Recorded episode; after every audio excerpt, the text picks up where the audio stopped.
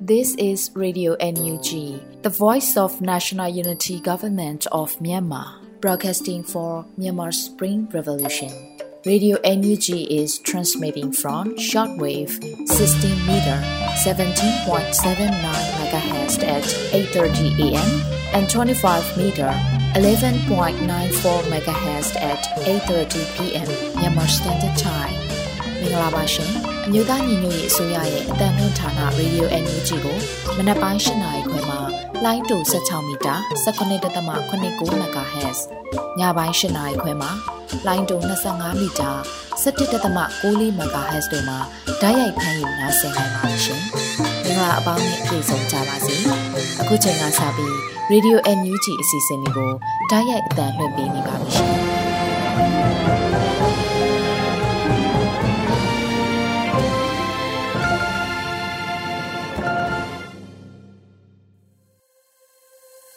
င်္ဂလာမနက်ခင်ပါခင်ဗျာရေဒီယိုအန်ယူဂျီကိုစောင့်မျှော်နားဆင်နေကြတဲ့တောတာရှင်များနဲ့တကွာတော်လံပြည်သူအားလုံးဘေးပရာဝေးကွာလို့ကိုရော့စိတ်ပါကျမ်းမာချမ်းသာရှိကြပါစေကြောင်းရေဒီယိုအန်ယူဂျီကဆုတောင်းမေတ္တာပို့သလျက်ရှိပါတယ်ဒီကနေ့စက်တင်ဘာလ30ရက်နေ့ရေဒီယိုအန်ယူဂျီရဲ့မနေ့ပိုင်းအသံလွှင့်စီစဉ်များကိုစတင်ဖို့အချိန်ရောက်ရှိလို့လာပါပြီဥဆုံးအနေနဲ့ပြည်တွင်းသတင်းများကိုຫນွေဦးမိုင်ကဖတ်ကြားထားတာနားဆင်ရပါမယ်ခင်ဗျာ မင်္ဂလာမနက်ခင်းပါရှင်အခုချိန်ကစပြီး Radio UNG ရဲ့စက်တင်ဘာလ30ရက်နေ့မနက်ခင်းပြည်ရင်းသတင်းများကိုဖတ်ကြားပေးပါရမယ်ကျွန်မကတော့ຫນွေဦးမိုင်ဖြစ်ပါတယ်ရှင်ပထမဆုံးသတင်းအနေနဲ့ဗဟန်းမြို့နယ်တက္ကသိုလ်ရိပ်သာလမ်းကချက်အမှတ်54 56အားအမျိုးသားအစဉ်ရင်ကျင်းမှုအမွေနဲ့ဖြစ်သတ်မှတ်ထား၍ရောက်ချဖျက်ဆီးရန်ကြိုးပမ်းသူတို့ကိုအကြမ်းဖက်မှုတိုက်ဖျက်ရေးဥပဒေနဲ့ပါအရေးယူမယ်လို့အမျိုးသားညီညွတ်ရေးအစိုးရကြေညာတဲ့သတင်းကိုတင်ပြပေးပါမယ်။ဗ ဟန်းမြို့နယ်တက္ကသိုလ်ရိပ်သာလမ်းရှိချမ်းမှတ်5456အားအမျိုးသားအစဉ်ရင်ကျင်းမှုအမွေနှင့်ဖြစ်သတ်မှတ်ထား၍ရောင်းချဖျက်ဆီးရန်ကြိုးပမ်းသူတို့ကိုအကြမ်းဖက်မှုတိုက်ဖျက်ရေးဥပဒေနဲ့မှအရေးယူမယ်လို့အမျိုးသားညီညွတ်ရေးအစိုးရမှအမိန့်ကြော်ညာစာအမှတ်ကိုမြင့်ဆောင်2023ကိုစက်တင်ဘာ29ရက်မှာထုတ်ပြန်ကြေညာခဲ့ပါတယ်။ပြည်ထောင်စုသမ္မတမြန်မာနိုင်ငံတော်အမျိုးသားညီညွတ်ရေးအစိုးရအနေဖြင့်2022ခုနှစ် စက်တင်ဘာလ2ရက်နေ့ရက်စွဲပါအမိန့်ကြေညာစာအမှတ်15မြင်းဆောင်2022ဖြင့်အမှတ်5456တက္ကသိုလ်ရိပ်သာလမ်းဗဟန်းမြို့နယ်ရန်ကုန်တိုင်းဒေသကြီးတွင်တည်ရှိသောခြံဝဲဧရိယာ1.623ဧကနှင့်ရင်းမြေဧရိယာပေါ်တွင်ရှိသောမရွှေ့မပြောင်းနိုင်သည့်အဆောက်အုံအလုံးအားကြားကာလအမျိုးသားအဆင့်ယဉ်ကျေးမှုအမွေနှင့်ဖြစ်သတ်မှတ်ကြောင်း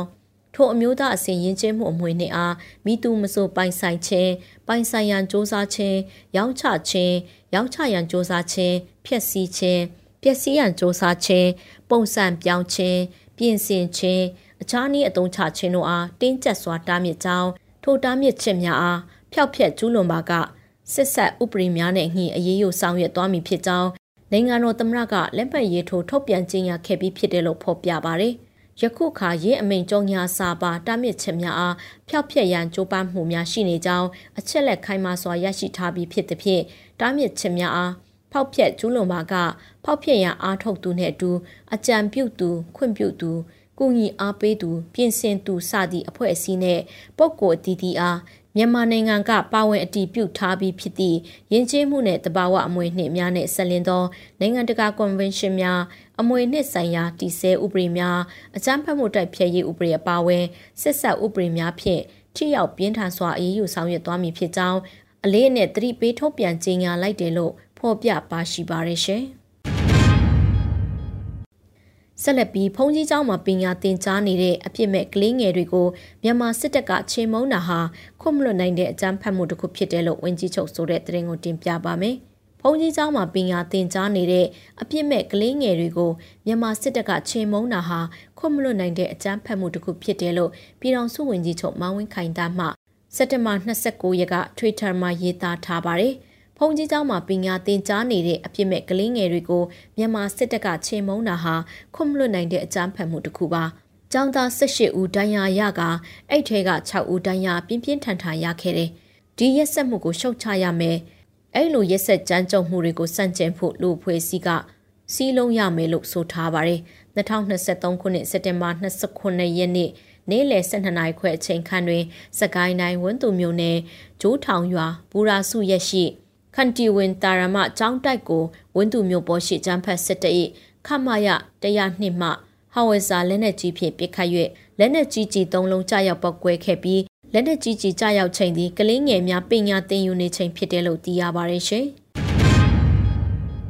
မြင်းမူကကြာဆုံးသွားတဲ့ရဲဘော်တွေရဲ့ရက်လည်နေမှာ Federal Wings နဲ့ Mahamate Drone အဖွဲ့တွေကမြင်းမူမှာအောင်ပွဲဆင်ပြနိုင်ခဲ့တဲ့တဲ့ရင်ကိုဆက်လက်တင်ပြပေးပါမယ်။မြင်းမူကကြာဆုံးသွားတဲ့ရဲဘော်တွေရဲ့ရက်လည်နေမှာ Federal Wings နဲ့ Mahamate Drone အဖွဲ့တွေကမြင်းမူမှာအောင်ပွဲဆင်ပြနိုင်ခဲ့လို့ပြည်တော်စုဝင်ကြီးဦးထင်လင်းအောင်ကစက်တင်ဘာ29ရက်မှာအတိပေးဆိုထားပါတယ်။ စက်တင်ဘာ28ရက်နေ့ညပိုင်းတွင်မြင်းမူမြို့ရှိစစ်ကောင်စီတပ်ဖွဲ့များအခြေစိုက်စခန်းချရာထွေအုပ်ရုံးနှင့်ရဲစခန်းတို့အား Federal Wings နှင့် Mahamit Drone တပ်ဖွဲ့များပူးပေါင်းပြီးစုစုပေါင်း drone 6စင်းဖြင့်ပုံကျဲတိုက်ခိုက်ခဲ့ပါတယ်။တိုက်ခိုက်မှုများတွင်ပြစ်မှတ်များအားတိုက်ရိုက်ထိမှန်ခဲ့လို့သိရရှိပါရယ်စက်တင်ဘာ22ရက်နေ့မှာမြင်းမူမှာစစ်ကောင်စီလက်ချက်ကြောင့်တော်လှန်ရေးအင်အားစု26ယောက်အသက်စတေးခဲ့ရပါတယ်ရှင်။ စစ်ကောင်စီစစ်သားများမှဒေသခံရွာသား964ဦးကျော်အားလူသားတိုင်းအဖြစ်အသုံးပြုသောတည်တည်အထောက်ထားများပါဝင်အစီရင်ခံစာ22ဆောင်ကိုရရှိခဲ့လို့ကရင်လူခွင့်ရေးအဖွဲ့ KHRG ကအတည်ပြုတဲ့တင်ကိုဆက်လက်တင်ပြပါမယ်။ စစ်ကောင်စီစစ်သားများမှဒေသခံရွာသား964ဦးကျော်အားလူသားတိုင်းအဖြစ်အသုံးပြုသောတက်သေးအထောက်ထားများအပါအဝင်အစီရင်ခံစာ22ဆောင်ကိုရရှိခဲ့လို့ကရင်လူအခွင့်အရေးဖွဲ့ KHRG ကတည်ပြီးဆိုပါတယ်စစ်တပ်အာဏာသိမ်းမှုဖြစ်ပွားပြီးနောက်မြန်မာပြည်အရှိတောင်ပိုင်းတွင်စစ်ကောင်စီမှရသားပြည်သူများအားလူသားတိုင်းအဖြစ်အသုံးပြုခြင်းအစီရင်ခံစာကိုစက်တင်ဘာနောက်ဆုံးပတ်မှာကရင်လူအခွင့်အရေးအဖွဲ့ KHRG ကဖော်ပြပါတယ် 2021ခုနှစ်ဖေဖော်ဝါရီလမှစ၍စစ်ကောင်စစ်သားများမှဒေသခံရွာသား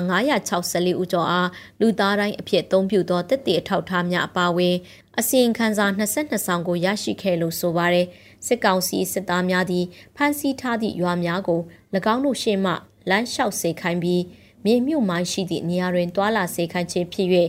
မိုင်းထိကထိခိုက်ဒေဆုံးမှုတို့လည်းရှိခဲ့တယ်လို့ဆိုပါတယ်ရှင်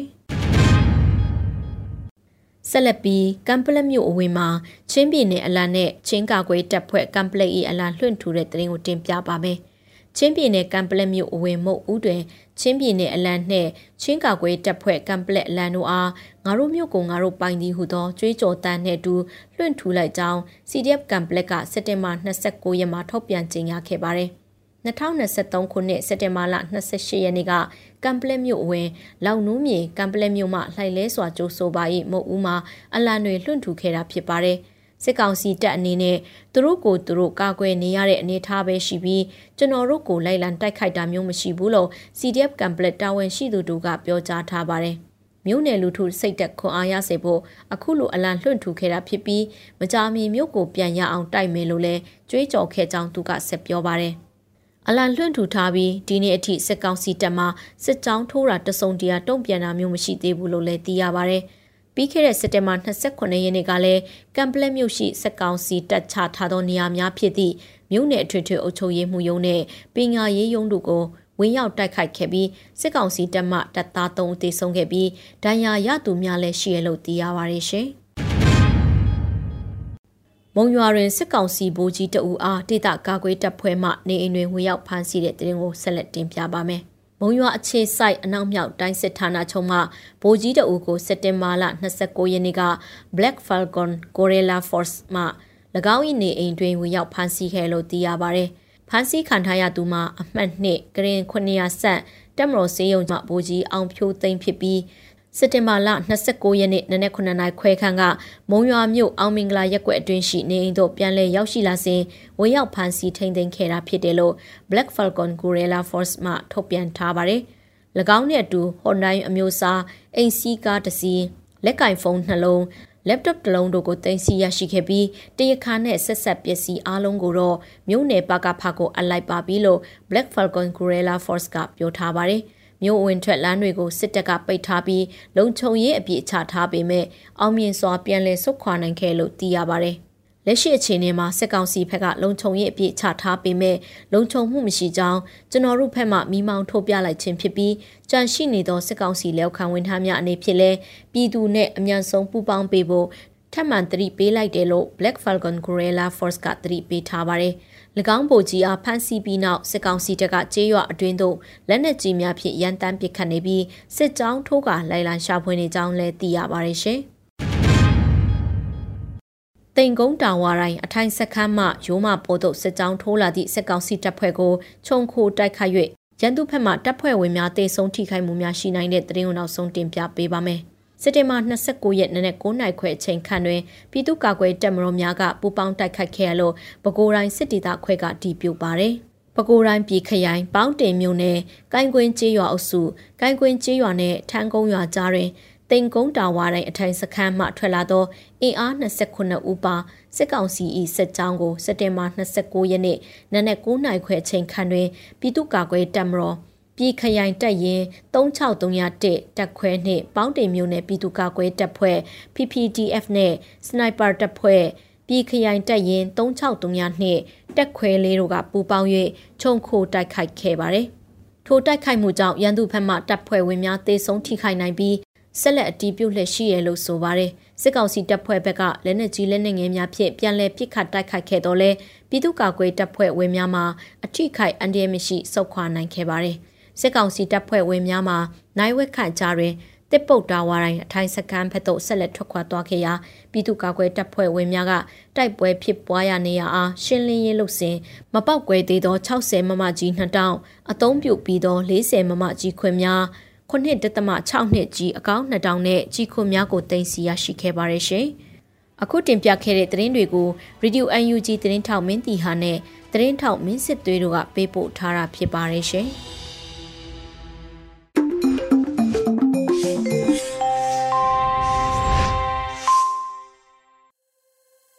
နှွေဦးမိုင်းတင်ပြသွားတဲ့ပြည်တွင်းသတင်းများကိုနားဆင်ခဲ့ရတာဖြစ်ပါတယ်ခင်ဗျာအခုတခါအလှည့်ကြတာကတော့တော်လိုင်းကြပြဖြစ်ပါတယ်နိုင်မွန်အောင်တွင်ရေးသားပြီးလွတ်လပ်နေဦးခန်းစားရွတ်ဖတ်ထားတဲ့ငှက်ကြီးတောင်ရဲ့ရက်ရာစားဆိုတဲ့တော်လိုင်းရေးကြပြရတ္တကိုနားဆင်နိုင်ကြပါပြီခင်ဗျာငှက်ကြီးတောင်ရဲ့ရက်ရာစားအလှချိတ်ထားခဲ့ဘူးတဲ့ကြက်တရီအဖျားပြာနဲ့အေးတိအေးဆက် ဓာတ်တလက်မျှတာပါငှက်ကြီးတောင်ဓာတ်ဟာမိရှံတွေကိုဖြတ်တန်းခဲ့ရတယ်မေတ္တာတရားမှာရင်ငွေ့လှုံခွင့်ရတယ်။ဖြောက်မှတ်ထက်တန်စွာ အသက်ရှင်ရေးအတွက်အကြိမ်ကြိမ်ထုနဲ့ပုံသွင်းခံခဲ့ရတယ်။တင်စားရမလားနှိုင်းရှင်ရမလားငှက်ကြီးတောင်ဓာဟာမြင့်မို့တောင်ကိုရွက်ထားဖို့မရည်မှန်းခဲ့တယ်လို့ ဇီးစေကို ခုတ်ပိုင်းဖို့ကိုလဲ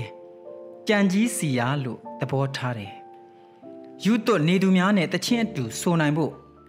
ရွှေခွက်ပြောက်နေသူများနဲ့သင်းဘောအတူမှောက်ဖို့ငှက်ကြီးတောင်ဓာဟာဖျားပွဲဈေးတန်းလိုပြောင်ပြောင်လက်လက်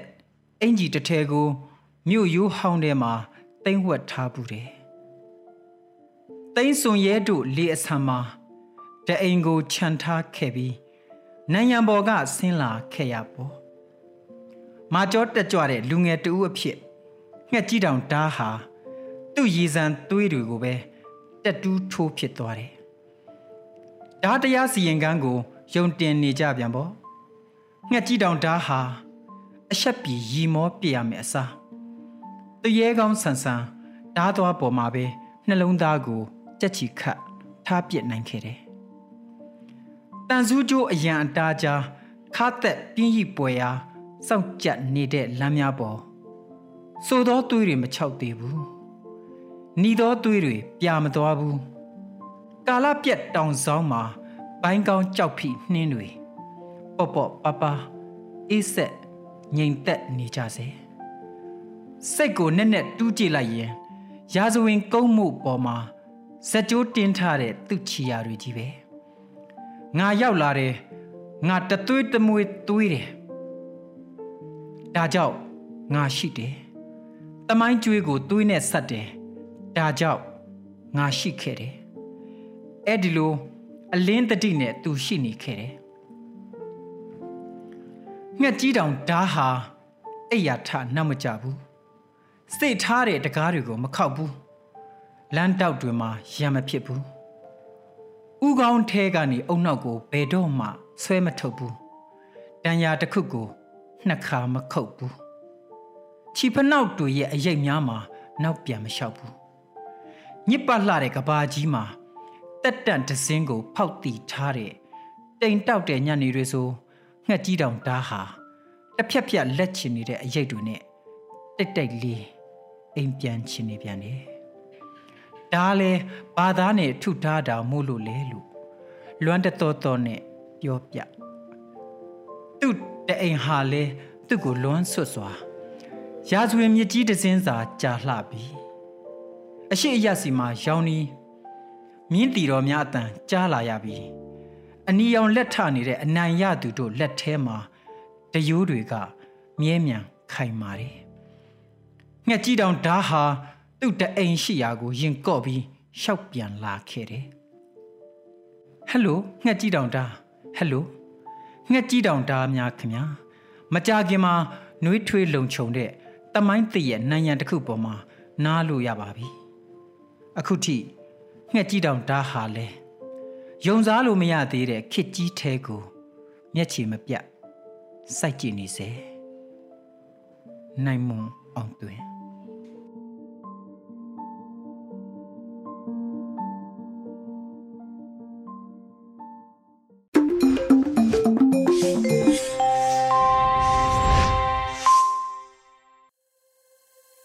ရေဒီယိုအန်ယူဂျီရဲ့စက်တင်ဘာလ30ရက်နေ့မနေ့ပိုင်းအတန်းတွင်အစီအစဉ်များဖြစ်ပါတယ်။အခုတခါ PPTV ရဲ့နေ့စဉ်သတင်းများကိုတော့ Rain ကတင်ပြပါဦးမယ်ခင်ဗျာ။အခုချိန်ကစပြီး PPTV သတင်းတွေကိုတင်ဆက်ပေးတော့မှာပါ။ကျွန်မရိန်ပါ။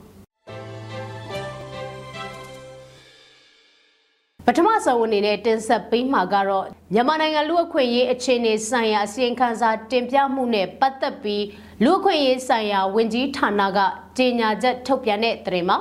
ကုလသမဂ္ဂလူ့အခွင့်အရေးဆိုင်ရာမဟာမင်းကြီးယုံကမြန်မာနိုင်ငံလူ့အခွင့်အရေးအခြေအနေဆိုင်ရာအစီရင်ခံစာတင်ပြမှုနဲ့ပတ်သက်ပြီးအမျိုးသားညွရေးအစိုးရလူ့အခွင့်အရေးဆိုင်ရာဝန်ကြီးဌာနကစက်တဘာ29ရက်စွဲနဲ့ကြေညာချက်တစောင်ထုတ်ပြန်ခဲ့ပါတယ်။ကြေညာချက်ထဲမှာအမျိုးသားညွရေးအစိုးရကကိုစားပြုထားတဲ့ပြည်ထောင်စုသမ္မတမြန်မာနိုင်ငံတော်ကကုလသမဂ္ဂလူ့အခွင့်အရေးဆိုင်ရာမဟာမင်းကြီးရဲ့ မြန်မာနိုင်ငံဆိုင်ရာတင်ပြဆွေးနွေးမှုနဲ့မြန်မာနိုင်ငံလူ့အခွင့်အရေးအခြေအနေဆိုင်ရာအစီရင်ခံစာတင်သွင်းမှုကိုကြိုဆိုတယ်လို့ဖော်ပြထားပါတယ်။စစ်အာဏာရှင်များရဲ့ကြောင်မဲ့ဆိုးရွားမှုများကိုဖော်ထုတ်ရန်နဲ့ကဘာကိုတွန်းအားပေးဖို့တစိုက်မမတ်ကြိုးပမ်းအားထုတ်နေမှုတွေအတွက်လူ့အခွင့်အရေးဆိုင်ရာမဟာမင်းကြီးနဲ့၎င်းရဲ့မြန်မာနိုင်ငံဆိုင်ရာအဖွဲ့ပေါ်မြန်မာနိုင်ငံအနေနဲ့အထူးပင်ကျေးဇူးတင်ရှိတယ်ဆိုပြီးတော့လဲ ထုတ်ပြန်ချက်မှာဖော်ပြထားပါတယ်။လူ့ခွင့်ရေးဆိုင်ရာမဟာမင်းကြီးယုံက2021ခုနှစ်ဖေဖော်ဝါရီလကလေးကမြန်မာနိုင်ငံဆိုင်ရာခိုင်မာသောအစီရင်ခံစာ၈ခုနဲ့နောက်ဆုံးရအခြေအနေအရရများစွာကို ထုတ်ပြန်ခဲ့ပြီးဖြစ်တဲ့ဆိုတာနဲ့အဲ့ဒီအစီရင်ခံစာတွေမှာအကြမ်းဖက်စစ်အုပ်စုရဲ့စိုးဝါးလှတဲ့အကြမ်းဖက်မှုဆိုင်ရာအတိုင်းအတာများကိုမှတ်တမ်းတင်ခဲ့ပြီးထိုအကြောင်းအရာကို မဟာမင်းကြီးကိုယ်တိုင်က ဆိုးရွားရုပ်မာသော ပုံစံဖြင့်လူမဆန်စွာ ပြုမှုခြင်းဖြစ်တယ်လို့မှတ်ချက်ပြုခဲ့တာလို့ဆိုထားပါတယ်။ဒါအပြင်တမတော်ကဆယ်စုနှစ်များစွာကြာမြင့်နေပြီးဖြစ်တဲ့၎င်းရဲ့စစ်စင်ရေးတွင်ပြလက္ခဏာကို အကြီးကျယ်ပြောင်းလဲပြီးချိုးဖျက်မယ်လို့ယုံကြည်စရာအကြောင်းမရှိဘူးလို့လည်းမဟာမင်းကြီးက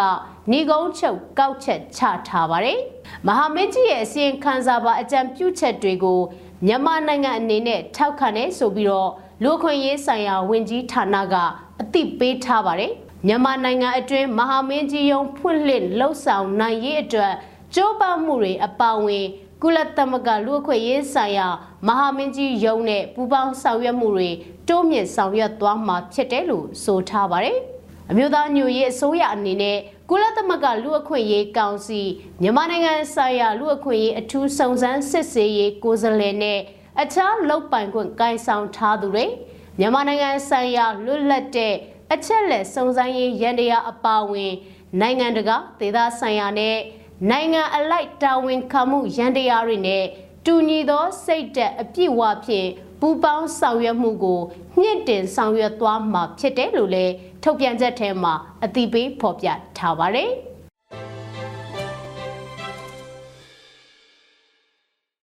နောက်ထပ်တင်ဆက်ပေးမယ့်သတင်းက KNDO ဒေါ်လာရေးပူပေါင်းတက်နဲ့အကြမ်းဖက်စစ်တပ်ရဲ့9ရက်တာကျုံတုံးတိုက်ပွဲအတွင်းစစ်ကောင်စီတပ်သား32ဦးအထိသေဆုံးခဲ့တယ်ဆိုတဲ့သတင်းမှာ KNU ကျုံတုံးမြို့နယ်တောင်ကြအင်းကျေးရွာမှာ တပ်ဆွဲထားတဲ့အကြမ်းဖက်စစ်ကောင်စီတပ်နဲ့ KNDO တော်လှန်ရေးပူးပေါင်းတပ်တွေအကြားဖြစ်ပွားခဲ့တဲ့9ရက်တာတိုက်ပွဲအတွင်းစစ်ကောင်စီတပ်သား32ဦးသေဆုံးခဲ့တယ်လို့ KNU ဗဟိုကထုတ်ပြန်ပါတယ်။အကြမ်းဖက်စစ်ကောင်စီတပ်ရဲ့ခလာရ233ညခမရ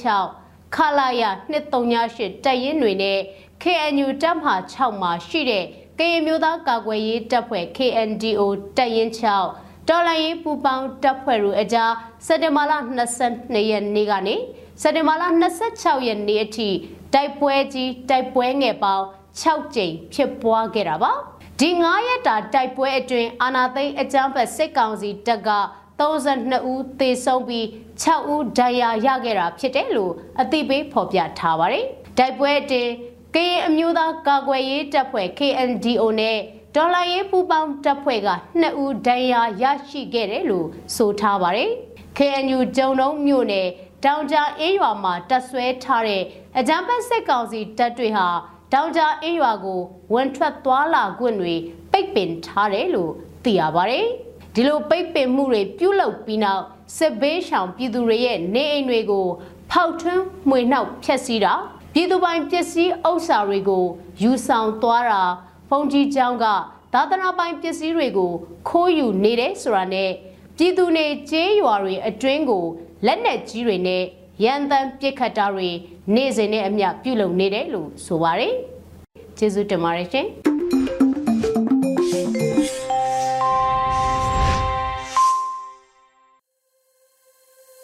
မြို့သားညွရေဆိုရဆက်သွယ်ရေးတည်င်းအချက်လက်နဲ့ဤတရားဝန်ကြီးဌာနဗီဒီယိုအန်ယူဂျီရဲ့မနေ့ပိုင်းအတန်လွင့်စီစဉ်များကိုနားဆင်နေရတာဖြစ်ပါတယ်။စက်တင်ဘာလ30မနေ့ပိုင်းအတန်လွင့်စီစဉ်နောက်ဆုံးစီစဉ်နေနဲ့တိုင်းရင်းသားဘာသာထုတ်လွှင့်မှုစီစဉ်ကိုထုတ်လွှင့်ဖို့ရှိပါတယ်။ဗီဒီယိုအန်ယူဂျီနဲ့ချိုးချင်းဘာသာထုတ်လွှင့်မှုအဖွဲ့တို့ပူးပေါင်းတင်ဆက်ထားတဲ့ချိုးချင်းဒိုင်ဘာသာနဲ့တည်င်းထုတ်လွှင့်မှုများကိုနားဆင်ရပါတော့မယ်ခင်ဗျာ။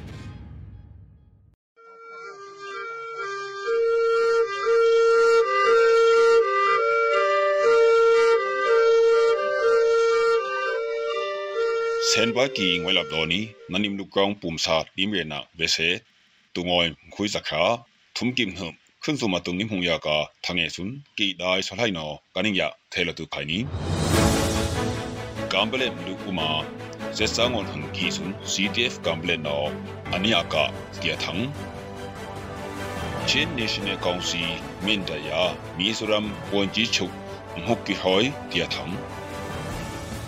batua sesang hizun yantong apha kanung mku senilu CDF batua benaka wangwa ki hoi akphunaka USDP changkhai ukatha akphum Dr. Muthangsun sesang waino yumei luhapki tiathange niangai khaye kakini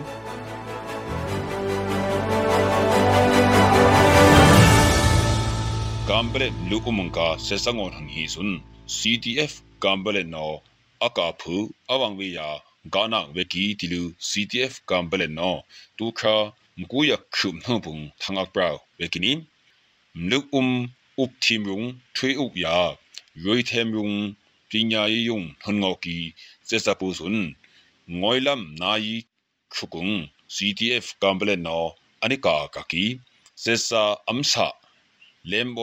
ေလူဟပ်ကီတီယထငေနီ ယငိုင်ခေကကီနီကမ်ဘရ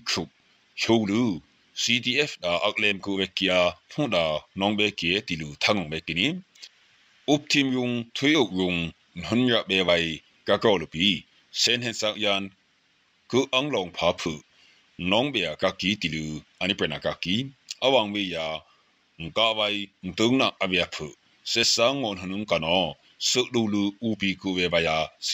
မ်ဘရက်နောအကာဖူအဝံဝေယာဂါနာဝေကီတီလူ CTF ကမ်ဘလနော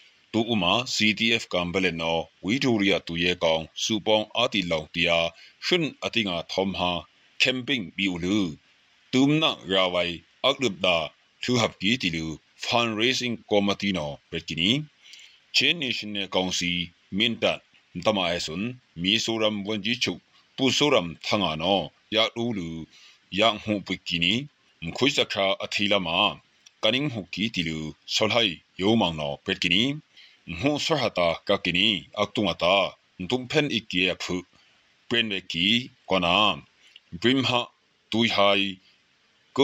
စေစာအမ်ဆာလေမ်ဘွိုတီကုဝေကီအနိတယာကကီနီအဟိနန်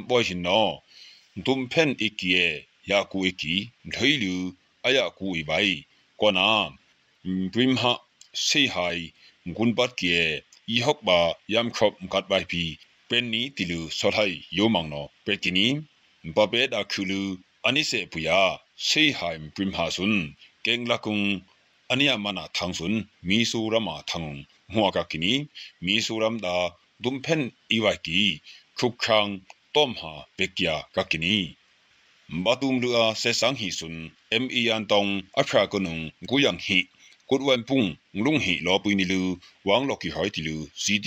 ူဟပ်ကီတီလူ fundraising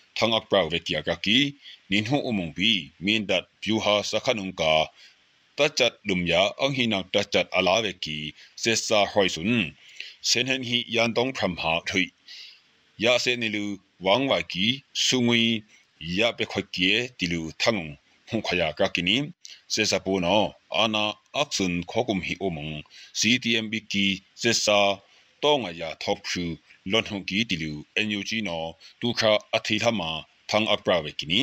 sesa kong si hin no sesa pung ala dup kie ya khakro lupi dr mu thang hin ta kong si yung akpui po hama ka ki tilu sesa kong si a thang mo ka kini ang hi na bo chuk akdum mo mi thon ya ang hi na bo chuk akdum su tha sun sesa kong si yung kano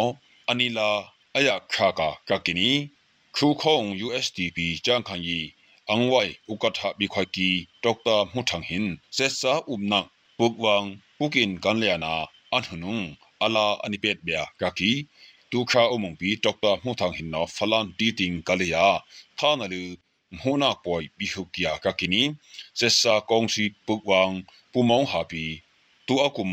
sim khang khang pahu achampi kongsi wangung ala amgaya kakini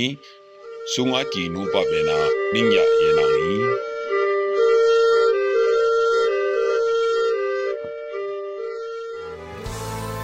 တောတာရှင်များခင်ဗျာယခုနားဆင်နေကြတဲ့ရေဒီယိုအန်ယူဂျီရဲ့အစီအစဉ်တွေကိုရေဒီယိုလေးလိုင်းပေါ်မှာတိုက်ရိုက်ဖမ်းယူနားဆင်နိုင်တယ်လို့ website YouTube Telegram Facebook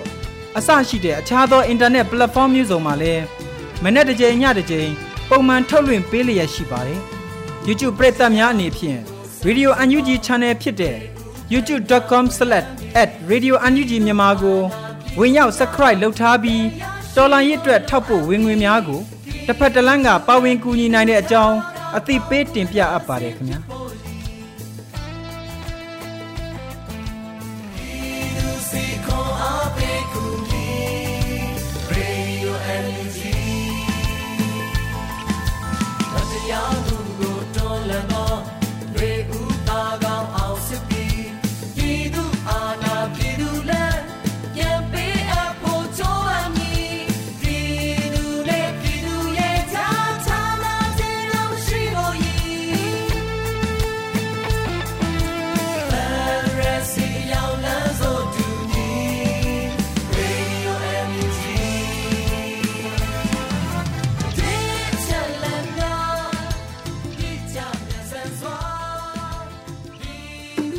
ဒီကနေ့ကတော့ဒီညနဲ့ပဲ Radio NUG ရဲ့အစီအစဉ်လေးကိုခਿੱတရနာလိုက်ပါမယ်ရှင်။မြမစံတော်ချိန်မနက်၈နာရီခွဲနဲ့ည၈နာရီခွဲအချိန်တွေမှာပြန်လည်ဆုံတွေ့ကြပါစို့။ Radio NUG ကိုမနက်ပိုင်း၈နာရီခွဲမှာလိုင်းတူ16မီတာ19.89 MHz ညပိုင်း၈နာရီခွဲမှာလိုင်းတူ25မီတာ17.6 MHz တို့မှာဓာတ်ရိုက်ဖမ်းလို့နိုင်စေနိုင်ပါပြီ။ မြန်မာနိုင်ငံသူနိုင်ငံသားတွေကိုစိတ်နှပြကျန်းမာချမ်းသာလို့ဘေးကင်းလုံခြုံကြပါစေလို့ Radio NUG အဖွဲ့သူဖွဲ့သားတွေကဆုတောင်းမြတ်တာပို့တာလိုက်ရပါတယ်မျိုးသားညီညွတ်ရေးအစိုးရရဲ့စက်သွေးရေးသတင်းအချက်အလက်နဲ့လူပညာဝန်ကြီးဌာနကထုတ်လွှင့်နေတဲ့ Radio NUG ဖြစ်ပါတယ်။ San Francisco Bay Area အခြေစိုက်မြန်မာမိသားစုတွေနဲ့နိုင်ငံတကာကစေတနာရှင်လို့အားပေးနေတဲ့ Radio NUG ဖြစ်ပါတယ်။အရေးတော်ပုံအောင်ရမည်